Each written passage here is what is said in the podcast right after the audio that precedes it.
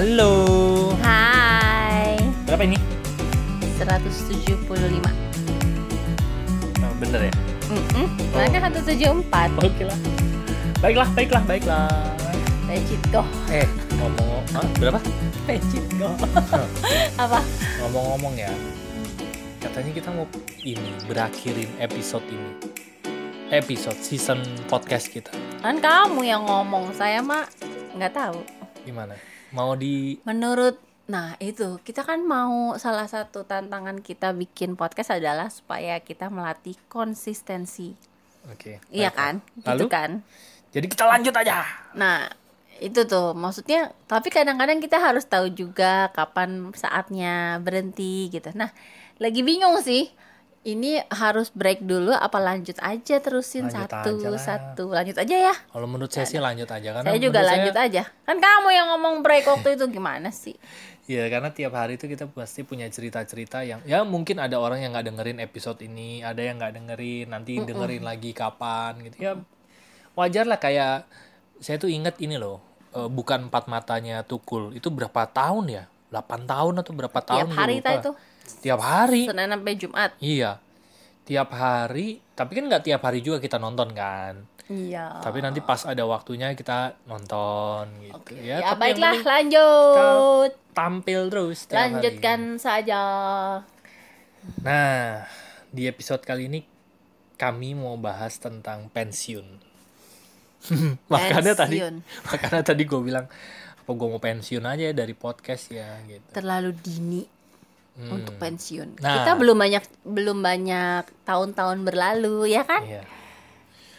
Belum banyak Kan- momen-momen yang kita Iya. lalui gitu ya. Kayaknya momen-momennya masih yang eh, tipis-tipis gitu ya. Iya Tapi gue kebayangnya nanti kalau anak gue lulus eh, yang nggak tahu SD, SMP itu kan masih berapa tahun lagi tapi itu pasti akan Seru jadi akan jadi bahan yang cukup lucu untuk dijadiin podcast. Gue sih kebayangnya ya, nggak tahu kebayang kejauhan apa enggak. Tapi kalau misalnya gue nanti nggak ada gitu, paling nggak ada podcast-podcast yang mungkin podcastnya masih ada nggak ya tersimpan Oke. 50 tahun lagi gitu. Ya ya ya ya ya.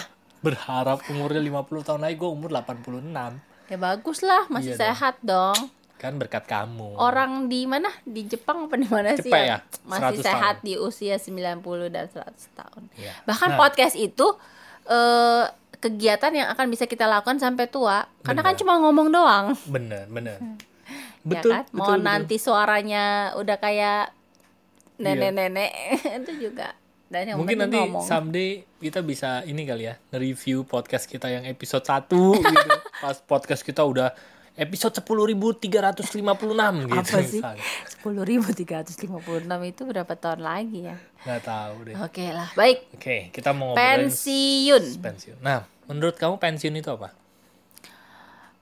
eh gue akan mulai dengan paradigma maksudnya gini eh definisi yang paling banyak terlintas untuk pensiun adalah berhenti bekerja oke itu kan Iya. tapi setelah eh Makanya tadi gue juga ngomong mau pensiun dari podcast mengacu pada eh, pengertian ini. ya Oke. tapi set- setelah ditelaah lagi sebenarnya pensiun itu kan lebih pada setelah pensiun kita akan memiliki kebebasan Mm-mm. kebebasan untuk mengatur waktu, Oke. untuk punya pilihan. Karena Hmm. ketika kita pensiun berarti kita tidak lagi terikat pada satu kewajiban dari Hmm. sesuatu yang kita pensiunin itu gitu kan. Hmm, hmm. Misalnya pensiun kerja, oh ya berarti setelah pensiun kerja kita udah nggak ada eh, keharusan kerja lagi. Kita bisa punya pilihan mau pakai waktu kita buat apa. Berarti saya nggak bisa pensiun dari kamu ya? Tidak akan bisa. Karena saya tidak pernah bisa berhenti mencintaimu. Oke baiklah. Oke. Dan saya tidak akan membiarkan kamu pensiun. Iya. Dan saya tidak berencana untuk pensiun sih Ya bagus. dari hal itu. Oke oke. Terus terus. Ya begitu ternyata kalau menelaah. Berarti sebetulnya lebih. ya lebih jauh. dalam ya. Ya. Oke. Berarti sebetulnya ya kalau misalnya mengacu pada pengertian kan sebagian besar orang menganggap pensiun itu berhenti bekerja. Habis Ya itu kan? bengong-bengong. Habis itu bengong-bengong nggak tahu ngapain kalau celingak celinguk celingak celinguk gitu ya. Nah sebetulnya kalau mengacu pada pengertian bahwa kenapa kamu? Celingak celinguk ya kan?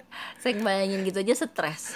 Ngapain pensiun kalau kayak kalau pensiunnya begitu? pensiun stres ya? Iya. Jadi tapi kalau mengacu pada pengertian bahwa orang itu pensiun pengertian pensiun itu adalah orang berhenti bukan berhenti orang akhirnya memutuskan untuk memilih kebebasan gitu.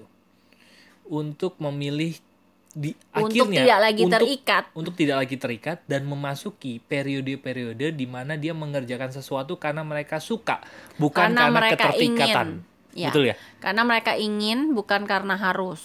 Nah oke. Sekarang anggaplah kita anggap eh, pembahasannya adalah pensiun secara finansial. Oke. Oke ya berarti untuk bisa mencapai tahap pensiun tersebut gitu ya berarti kan kita orang pensiun itu kan berarti melak- hari demi harinya melakukan apa yang mereka suka tanpa mereka khawatirkan terhadap kondisi finansial mereka. Betul dong? ya, Ya kan? Nah, berarti kalau misalnya mengacu pada pengertian itu, umur itu tidak menjadi sebuah patokan untuk orang menjadi pensiun. oh iya betul sekali Jadi orang bisa pensiun normal sekarang umur berapa sih? lima lima ya eh Lima- nggak tahu gue 60? Hah? nggak Nggak tahu lima lima apa enam lima Kerja dong makannya. nggak tahu Gimana? nggak tahu Anggaplah beneran 60 ya. Anggaplah orang wajar pensiun di usia 60. Tapi menurut gue ya, kayaknya pada saat orang masuk umur 60, ada banyak orang yang masuk umur pensiun, umur 60 misalnya, tapi mereka tidak siap untuk pensiun. Tidak siap secara finansialnya, gitu kan? Terutama mungkin itu sih kendalanya. Oke. Karena menurut gue harusnya ya kalau misalnya berjalan sesuai nih jalan normal, harusnya di usia 60-an itu mereka sudah cukup punya uang, sudah cukup untuk nyimpen uang untuk membiayai masa pensiunnya. Dan akhirnya uang yang mereka punya itu mereka bisa pakai untuk melakukan hal-hal yang mereka sukai. Betul gak sih? Ya kan? benar benar Nah, masalahnya adalah pada saat orang masuk usia-usia pensiun, ternyata banyak loh nggak siang siap yang nggak siap untuk pensiun. Makanya dikenal dengan istilah post power syndrome. Dan post power syndrome ini bisa terjadi di banyak aspek. Untuk aspek finansial yang tadinya megang duit tiba-tiba drop, terus aspek kekuasaan yang tadinya ngatur-ngatur tiba-tiba nggak ngatur gitu kan. Itu bisa terjadi. ya Nah, terus menurut gue, menurut gue, ini menurut gue ya, berarti sebetulnya orang itu bisa pensiun di usia berapapun kalau mereka sudah ma- kalau mereka Siap. mempersiapkan hal tersebut, betul kan? ya Harusnya gitu dong. Misalnya gue mau pensiun nih, oh udahlah, gue mau pensiun di usia 40 tahun. Mm-mm. Dan untuk pensiun di usia 40 tahun, berapa finansial yang harus gue punya gitu ya berapa tabungan yang gue punya berapa pasif income yang gue punya dan akhirnya gue bisa pensiun di usia 40 sah sah aja kan berarti loh ya sah Iya, dan Sah. sebetulnya itu wajar-wajar aja dan itu bisa dilakukan oleh semua orang sebetulnya, betul ya kan? Nah, pertanyaannya adalah kenapa banyak orang tidak berpikir untuk bisa pensiun muda dan pensiun kaya? Menurutmu kenapa? menurut gue Kenapa mereka kenapa banyak orang, gua nggak bilang mereka ya, kenapa banyak orang memutuskan pensiun, bukan memutuskan lebih tepatnya, dipaksa pensiun akhirnya.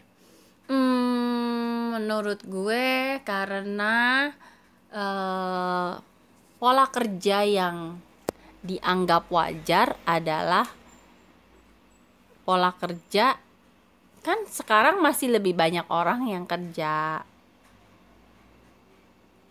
gini loh menurut gue sih yang paling bikin orang kenapa nggak mempersiapkan pensiun muda adalah definisi kalau pensiun itu nggak ngapa-ngapain Oke. jadi mungkin orang kan ya sebenarnya kita kan di umur-umur segini sampai umur tua pun justru yang bikin kita sehat, kita tetap aktif itu kan karena kita punya aktivitas kan. Sedangkan kalau orang deng punya definisi pensiun lantas nggak ngapa-ngapain celingak-celinguk yang kayak kamu bilang tadi, itu kan bukan kehidupan yang menarik untuk dijalani. Ya. Ngapain gue pensiun buru-buru? Kalau definisinya itu. Betul. Nah, mungkin definisi yang banyak di, ada di kepala orang adalah pensiun itu berhenti bekerja dan lantas tidak punya kegiatan Ya. itu dan, Dan yang ke- dapet duit. Hmm. dan nggak dapet duit dan yang kedua mungkin karena eh, menurut gua sih sekolah kita itu masih minim banget kasih pendidikan finansial Oke. jadi kita em, kita diajarinnya standar cari uang ya kerja cari uang ya usaha Oke. berapa banyak sih yang ngajarin kita konsep uh, passive income, Hmm. belajar untuk mempersiapkan uh, aliran-aliran uh, penghasilan pasif, Hmm. itu kan minim banget kan. Hmm, hmm. Dari dulu kita dipersiapkannya sekolah ya untuk punya nilai bagus, untuk bisa kerja di perusahaan besar, Hmm. meniti karir dan otomatis kalau menempuhnya seperti itu ya kita akan menempuh jalur yang normal yang pensiunnya nanti gitu kan Hmm, hmm. nggak ada pensiun uh, di usia dini karena berarti karena kalau kita nggak kerja berarti kita nggak dapat income Hmm. jadi pendidikan pendidikannya lebih ke cuma ngajarin aktif income baik Hmm. itu jadi karyawan baik itu jadi pengusaha baik itu Hmm. jadi profesional Hmm. ya kan semuanya aktif income gitu Hmm. gue aja baru punya pengetahuan oke. apa baru tahu gitu oh iya ya eh, ada cara pikir cara pikir yang eh, mikirnya adalah gimana caranya menghasilkan aliran yang eh, bisa Sifatnya pasif eh, gitu ya? sifatnya pasif bisa jalan tanpa ada kita itu kan baru-baru ini gitu loh Oke. dan untuk mengubah sesuatu yang udah ditanamkan ke kita Hmm. sejak kecil Sudah mengakar ya. Mm-mm, itu kan nggak gampang. Belum lagi ada rasa takut akan takut kekurangan, Hmm. takut ya resiko gitu-gitu kan. Hmm. Menurut gua banyak banget faktor secara emosinya juga yang terlibat gitu. Hmm. Jadi menurut gua ada banyak hal yang kenapa orang itu ya ya udah ikutin aja jalurnya yang biasa gitu Hmm. karena itu yang kebayang gitu itu yang Iya. kebayang itu yang ditanemin dan yang taunya ya begitu yang di luar itu itu kayak dunia baru kita nggak pernah tahu caranya gimana juga kita nggak tahu ada banyak ya bener-bener kayak nggak tahu gitu Atau bahkan malah dianggap dunia kayalan. Kayaknya itu kayaknya nggak mungkin, nggak masuk akal. ya Itu juga, mungkin juga karena Ya, karena ada nggak ada pengetahuan yang ada, nggak ada database yang ada di pikiran bawah sadar mereka gitu kan. Iya, dan ya menurut gua sih dua hal itu. Dua hal bahwa eh, kurang tepat paradigma tentang pensiun itu sendiri apa, sama yang kedua kurang pendidikan tentang eh, kecerdasan finansial untuk bisa punya aliran-aliran penghasilan pasif. Iya. Gue tuh sampai penasaran loh. Gue gue gue pribadi penasaran ya. Penasarannya itu begini. Jika memang jika memang gitu. Itu apa sih jika memang? Eh, lagunya Meli sama Ari Lasso. Oh, Iya. iya, iya. Jika. Jika Jika jika teringat tentang dikau. Ya, Lagu lama lah. Lagu Jadi- waktu kita putus. Oh, masa Dan sih? mau balik lagi. Enggak ya? Gitu ya? SMA sih itu. Nah, Terus gue berpikir gini ya, sebetulnya pada saat orang sudah punya database, sudah punya pengetahuan bahwa orang bisa pensiun di usia berapapun yang mereka mau, pensiun itu benar-benar mereka mencapai sebuah kebebasan lah ya, kebebasan finansial dan lalu setelah mereka masuk fase itu, definisi gue adalah kebebasan finansial itu ketika pasif income kita itu minimum sama dengan gaya hidup kita. Bukan cuman kebutuhan hidup ya. Gaya hidup tuh benar-benar ya lo mau beli apa itu sudah bisa dibiayai dari pasif income lo. Bukan dari aktif income ya gitu. Karena kalau dari aktif income berarti lo akan terjebak untuk bekerja lagi untuk membiayai gaya hidupnya kan? Ya. gitu. Tapi kalau semua gaya hidup lo bisa dibeli gitu ya bisa dibayar dari pasif income lo itu kan sesuatu penghas- Ya, pasif ya. income kan penghasilan yang kita bisa terima tanpa kita terlibat kan sebetulnya Betul. kan enak banget sebetulnya. Jadi semua kebutuhan, semua biaya hidup kita, semua gaya hidup kita dibiayai oleh passive income. Ya. Sedangkan passive income itu kita bisa dapatin tanpa kita terlibat gitu. Mm-mm. Nah, menurut gua definisi pensiun gua adalah itu. Gua mencapai kebebasan finansial gitu ya. Nah, ada orang yang lain itu mereka bilang gini, e, gua mau pensiun setelah gue punya dana mengendap di rekening gua misalnya 5 miliar rupiah.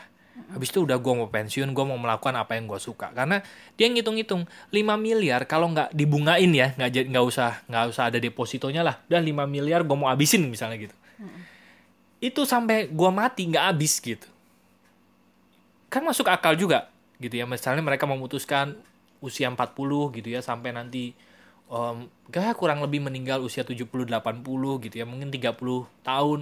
Mungkin nggak habis gitu. Itu itu dengan asumsi bunga depositonya nggak diambil ya sama dia. Padahal kan dari bunga depositonya aja kalau orang udah punya duit 5 miliar udah bisa hidup tuh passive income gitu ya.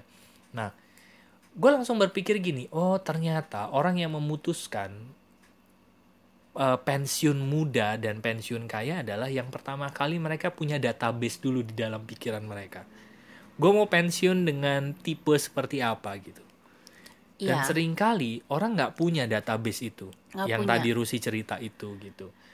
Jadi eh, mungkin di podcast kali ini kami mau sharingin sesuatu itu aja gitu. Pernahkah teman-teman terpikir untuk pensiun di usia yang tidak lazim gitu?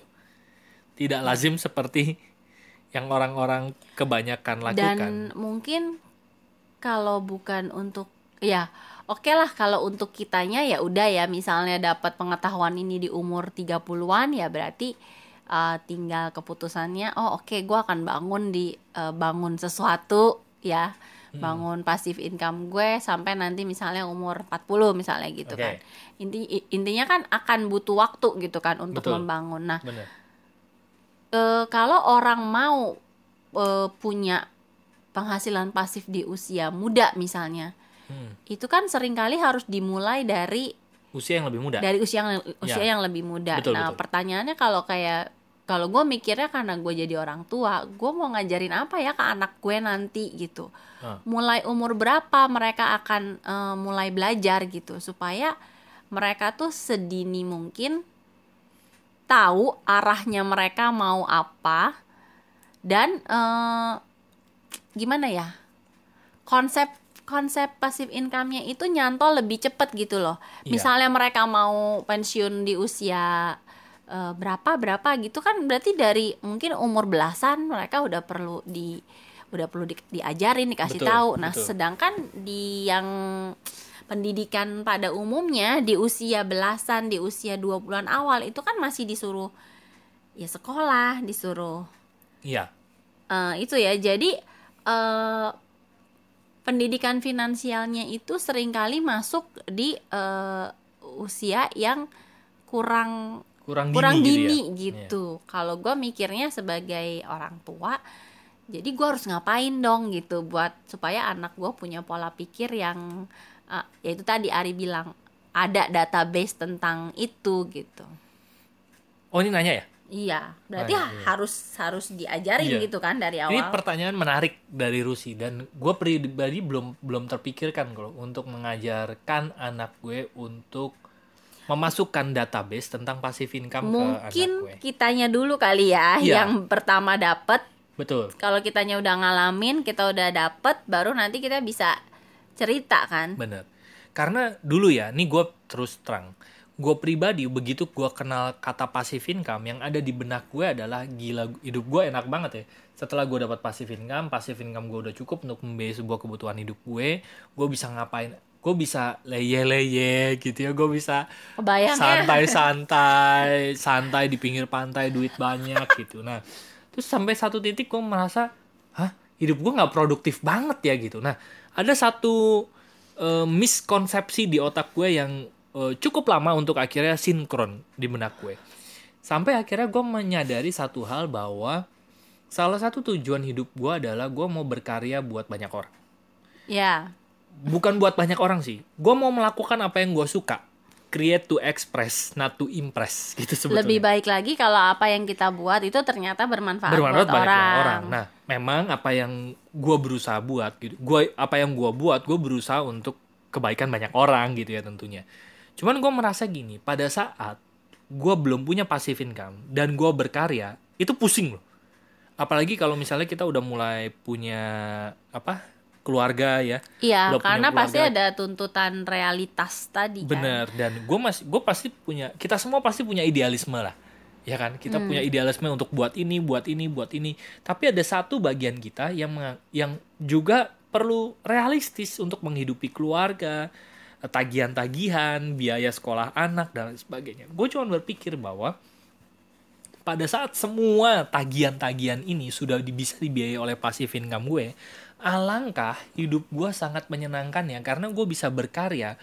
Karena gue bener-bener suka dengan apa yang gue lakukan. Jadi sepanjang hari gue itu gue habiskan waktunya untuk melakukan yang gue suka gitu.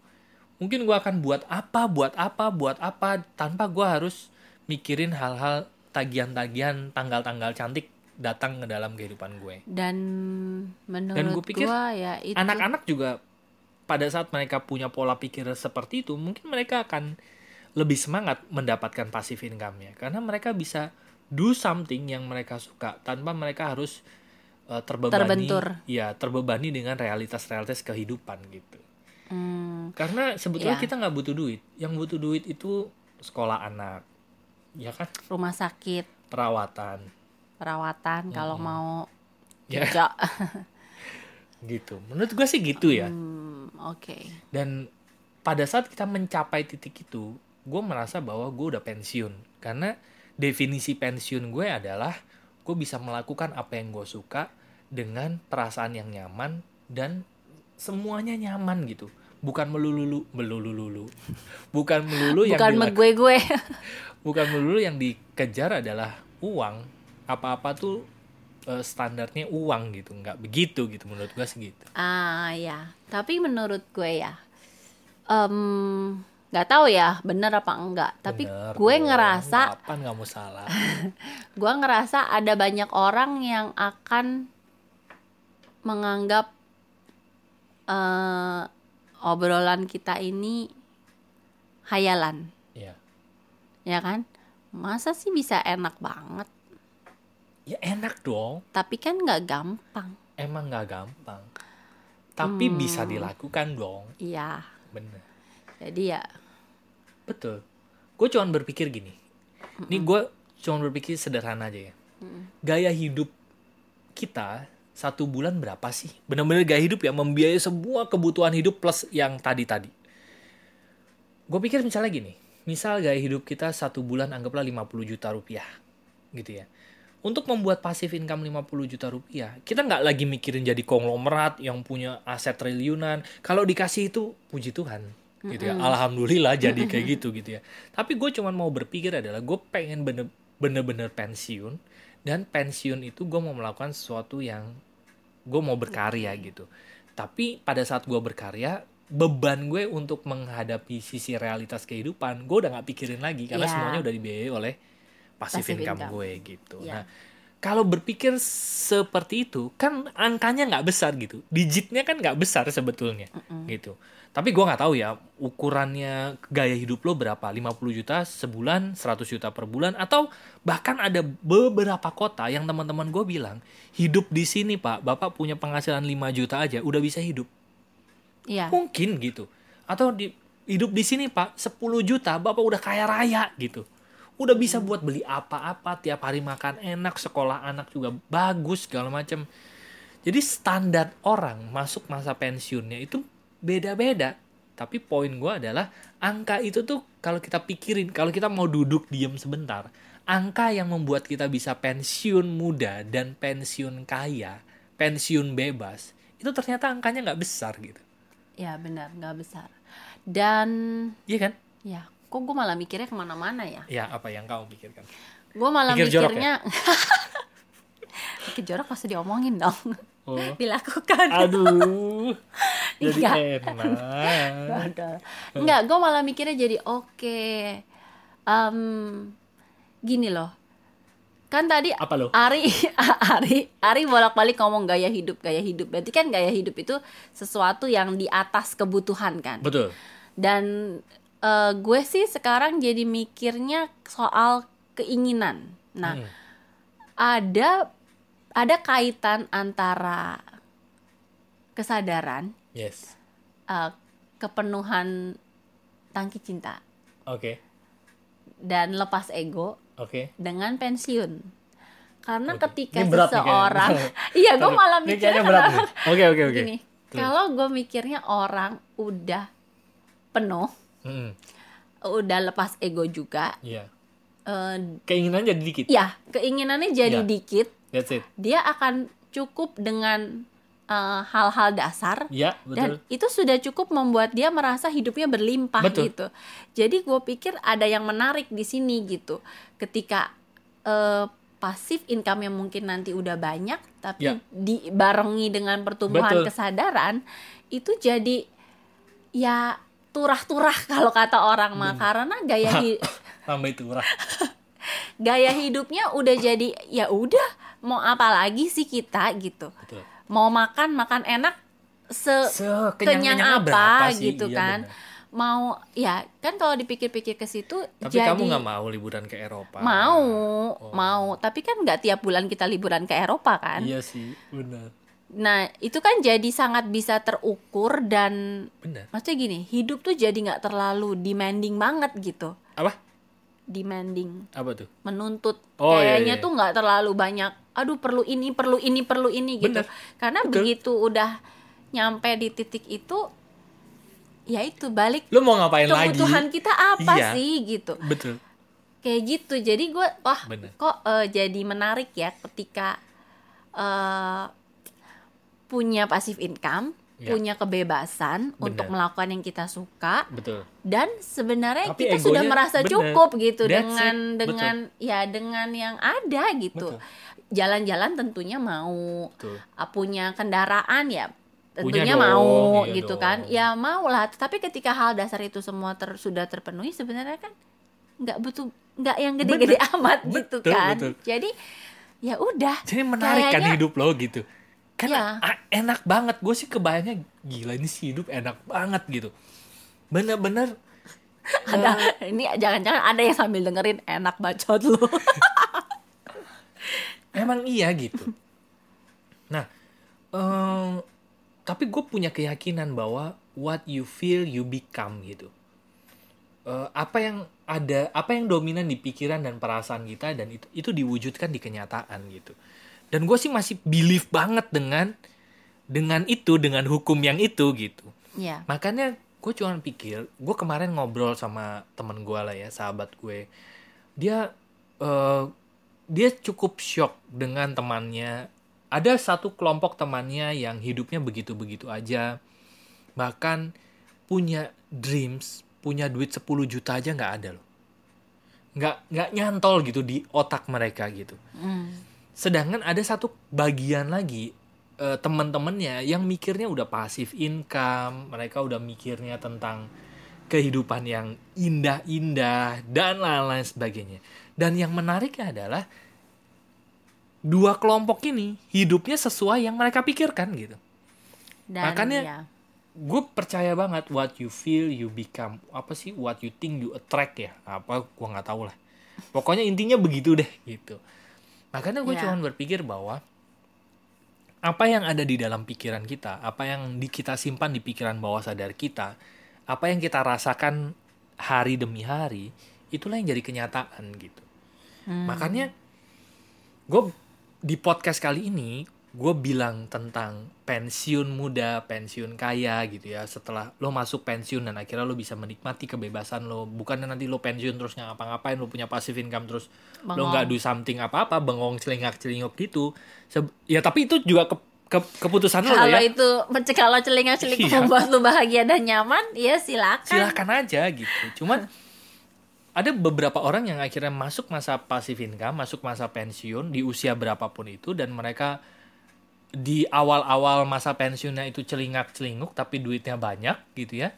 Sebetulnya itu satu tanda eh lu udah pengen melakukan sesuatu sebetulnya. Mungkin lu bisa buat sebuah gerakan, gue udah mulai gerakan passive income itu nyata gitu. Alangkah lebih indahnya pada saat gerakan passive income itu nyata, kita gedein lagi, tapi gue udah punya passive income yang sudah setara dengan gaya hidup gue. Kan enak banget gitu. Ya Gue jadi bisa kopdar sebenarnya ke mana-mana dan passive income gue tetap membiayai gaya hidup keluarga gue. Nah, justru gue pikir-pikir lagi, kalau misalnya kita punya kebebasan untuk melakukan sesuatu yang kita suka, yang Hmm. eh, diri kita banget. Mm-mm. Justru itu yang membuat kita tuh lebih eh, hidup kita tuh jadi lebih berwarna ya. meaningful gitu. bikin hidup lebih hidup Mm-mm. Karena eh, gue kenal beberapa orang yang merasa hidupnya itu eh, tidak cukup berarti karena mereka tidak banyak melakukan hal untuk dirinya sendiri gitu. iya iya iya Mereka sibuk dengan ngurusin eh, kerjaan atau ya. ngurusin sesuatu dan itu harus mereka urusin tapi sebenarnya mereka tuh pengen loh punya waktu buat ngerjain ini, ngerjain itu yang mereka pengen gitu. Iya, bener. Jadi Betul, justru betul. Masa pensiun itu bukannya justru masa kosong tapi itu masa di mana eh, itu bisa kita benar-benar penuhin gitu. Bener di mana hidup kita tuh justru bisa jadi penuh ketika kita mm, punya pilihan kan mau ngapain untuk diri kita sendiri that's gitu. it. That's right. But ada banyak orang yang mungkin sampai umur pensiun sampai 60 tahun. Iya. Kemarin kita baru ketemu orang yang dia bilang lu bayangin nggak? Gua 40 tahun umurnya dia memang udah rada lanjut ya. Eh, gua 40 tahun gua ngurusin eh, urusan orang lain lah. keluarga. Iya. ya urusan orang lain.